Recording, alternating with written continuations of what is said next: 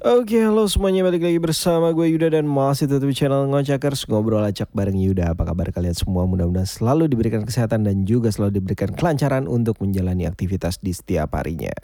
Apa kabar kalian semua? Ya balik lagi bersama gue Yuda. Dan kali ini gue pengen nyampein ada ya mungkin berita-berita penting ya buat kalian semua ya Yang pertama itu kita mulai dari JHT yang bisa dicairkan saat umur kita memasuki umur masa pensiun yaitu di umur 56 tahun ya kalau untuk peraturan di Indonesia untuk pensiun ya.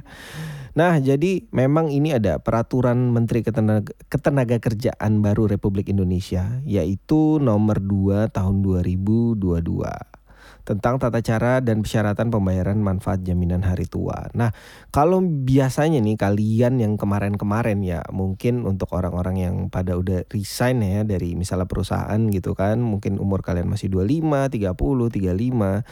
Nah, itu kalian bisa berkesempatan untuk mencairkan dana JHT kalian atau jaminan hari tua kalian gitu. Bisa langsung sih ada temen gue tuh pernah bertahap ya jadi cuman berapa persen dulu terus abis itu uh, ada yang bisa dicairkan semua. Nah itu memang simpang siur sih. Maksudnya karena gue belum pernah mengalami uh, masa itu gitu loh. Tapi dari beberapa teman gue yang sudah resign dari kerjaannya itu ada yang bilang ya bisa cair setengah atau bisa cair berapa persen terus juga ada yang bisa dicairkan semuanya.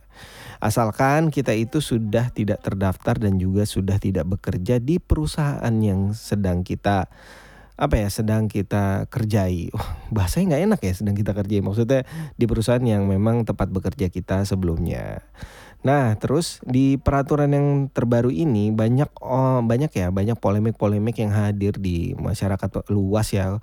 Contohnya untuk buruh ya, karena memang untuk penghasilan buruh tersebut apa ya ibaratnya itu kan kecil ya apalagi kalau misalnya buruh-buruh yang memang terkena PHK atau putus atau putus hubungan kerja dengan perusahaan tersebut gitu loh.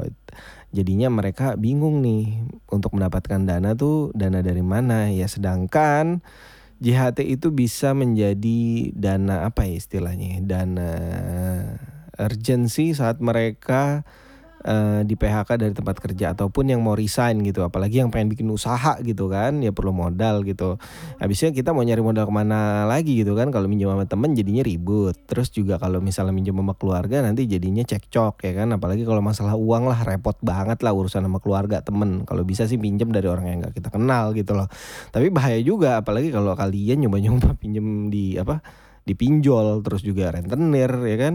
Itu malah jadi makin tambah masalah lagi. Nah memang menjadi solusinya ini dana JHT apalagi buat kaum kaum yang istilahnya UMR ke bawah gitu kan ini sangat perlu banget sih. Apalagi kalau misalnya mereka uh, mau untuk memulai sebuah usaha baru kegiatan baru gitu loh. Yang tadinya emang nggak ada apa ibaratnya kerja itu memang untuk mengumpulkan uang gitu tiba-tiba terkena PHK terus bingung dapat dana dari mana ya mereka hanya mengenakan JHT tersebut. Dan juga ini telah disampaikan oleh Menteri Ketenaga Kerjaan yaitu sorry gue lupa nama menterinya karena emang eh, jarang ini banget sih nama menterinya ibu siapa namanya?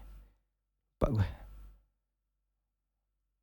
ini namanya ibu ya pokoknya itulah Menteri Ketenaga Kerjaan ya karena memang gue juga kurang begitu tahu gitu kan track recordnya. Nah jadi memang dana pensiun ini disediakan itu uh, kalau misalnya karyawan itu sudah pensiun di umur 56 tahun. Jadi maksudnya ada baiknya juga. Baiknya itu adalah supaya karyawan saat umur 56 tahun itu kan bukan masa-masa apa ya produktif ya. Biasanya kalau untuk masa-masa produktif itu sekitar umur 30 sampai 40 tahun. Ya kalau bisa sampai 45 tahun. Malah kalau ada BUMN lain itu pensiunnya di umur 45 gitu, pensiun dini disuruh. Nah, cuman untuk aduh sorry nih gue lagi batuk soalnya.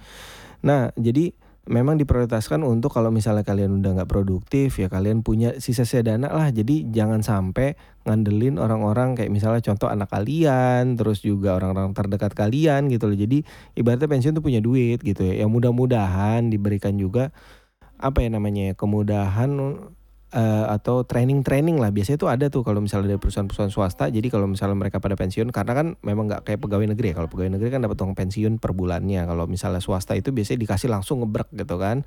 Nah biasanya itu ada pelatihan-pelatihannya yang mudah-mudahan akan bisa seperti itu gitu loh. Dan bisa terrealisasi ya kan?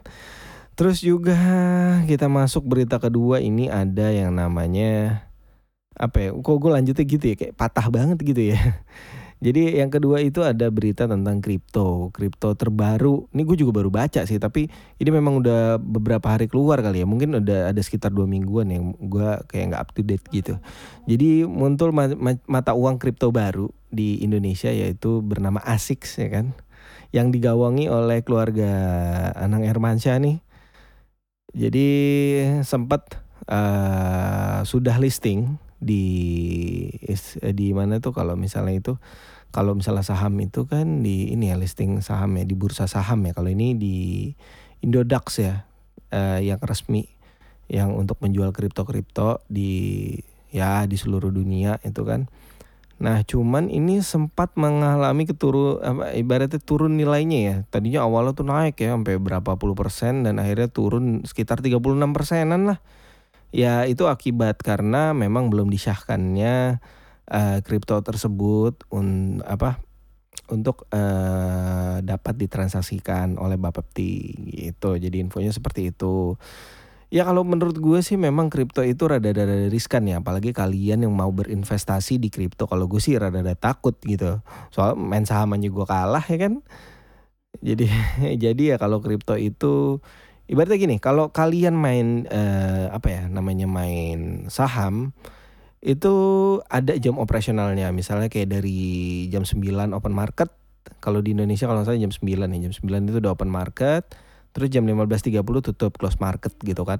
Nah jadi kalian tuh nggak perlu khawatir gitu loh. Jadi selama dari jam 9 sampai jam setengah 4 sore gitu kan 15.30 tuh kalian bisa pantengin ya 6 jam setengah cukup lah ya untuk mantengin kayak begitu gitu kan. Apalagi kalau kalian yang hobi-hobi cuan di saham-saham gorengan ya kan sila itu harus ya ibaratnya 5 menit 10 menit tuh udah harus pantau terus gitu loh. Kalau nggak turun karena gue pernah pengalaman kayak gitu dan gue lost terus juga kalau misalnya ya kalau saham-saham yang kayak misalnya blue chip ya mungkin kalian nggak perlu apa ya nggak perlu mantengin terus gitu loh. Karena memang dia ada saatnya turun, ada saatnya naik kayak gitu. Jadi nggak perlu khawatir gitu kan. Nah, cuman ini perbedaannya kalau di kripto, kalian itu harus standby selama 24 jam dan resikonya tuh lebih parah gitu loh.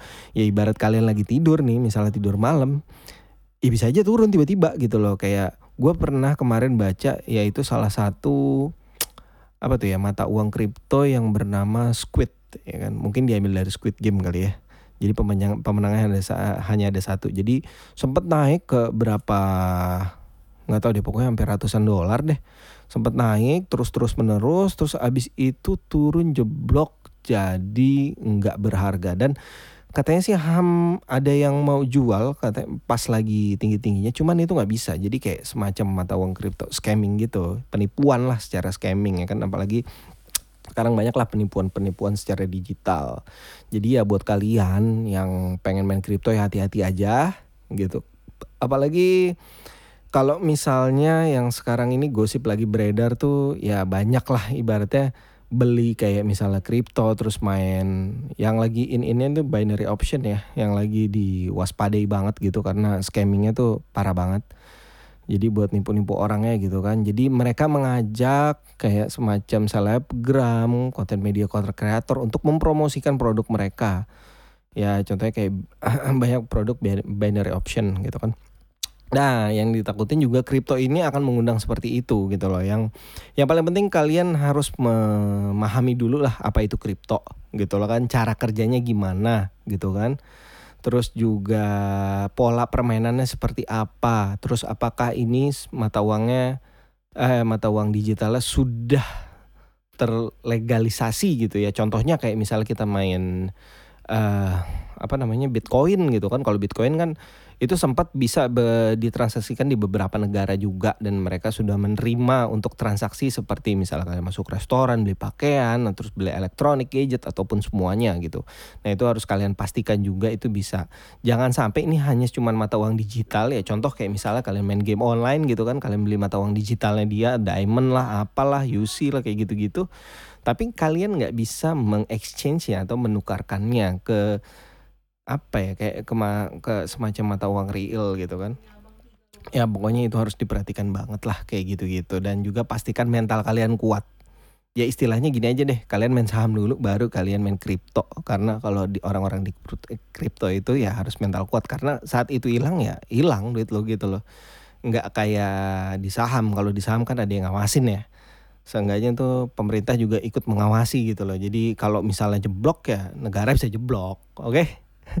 Jadi sekian aja podcast dari gue. Mudah-mudahan berita-berita ini dapat apa ya berguna buat kalian sebagai sebagai media informasi dan juga sebagai media yang apa istilahnya uh, bisa menambah wawasan kalian dan kalian juga bisa baca-baca sih kayak gue juga ya minimal kalian install sosmed Twitter dan Quora ya untuk baca-baca kayak gue Oke, okay, thank you banget yang udah dengerin podcast gua. Hmm, bye.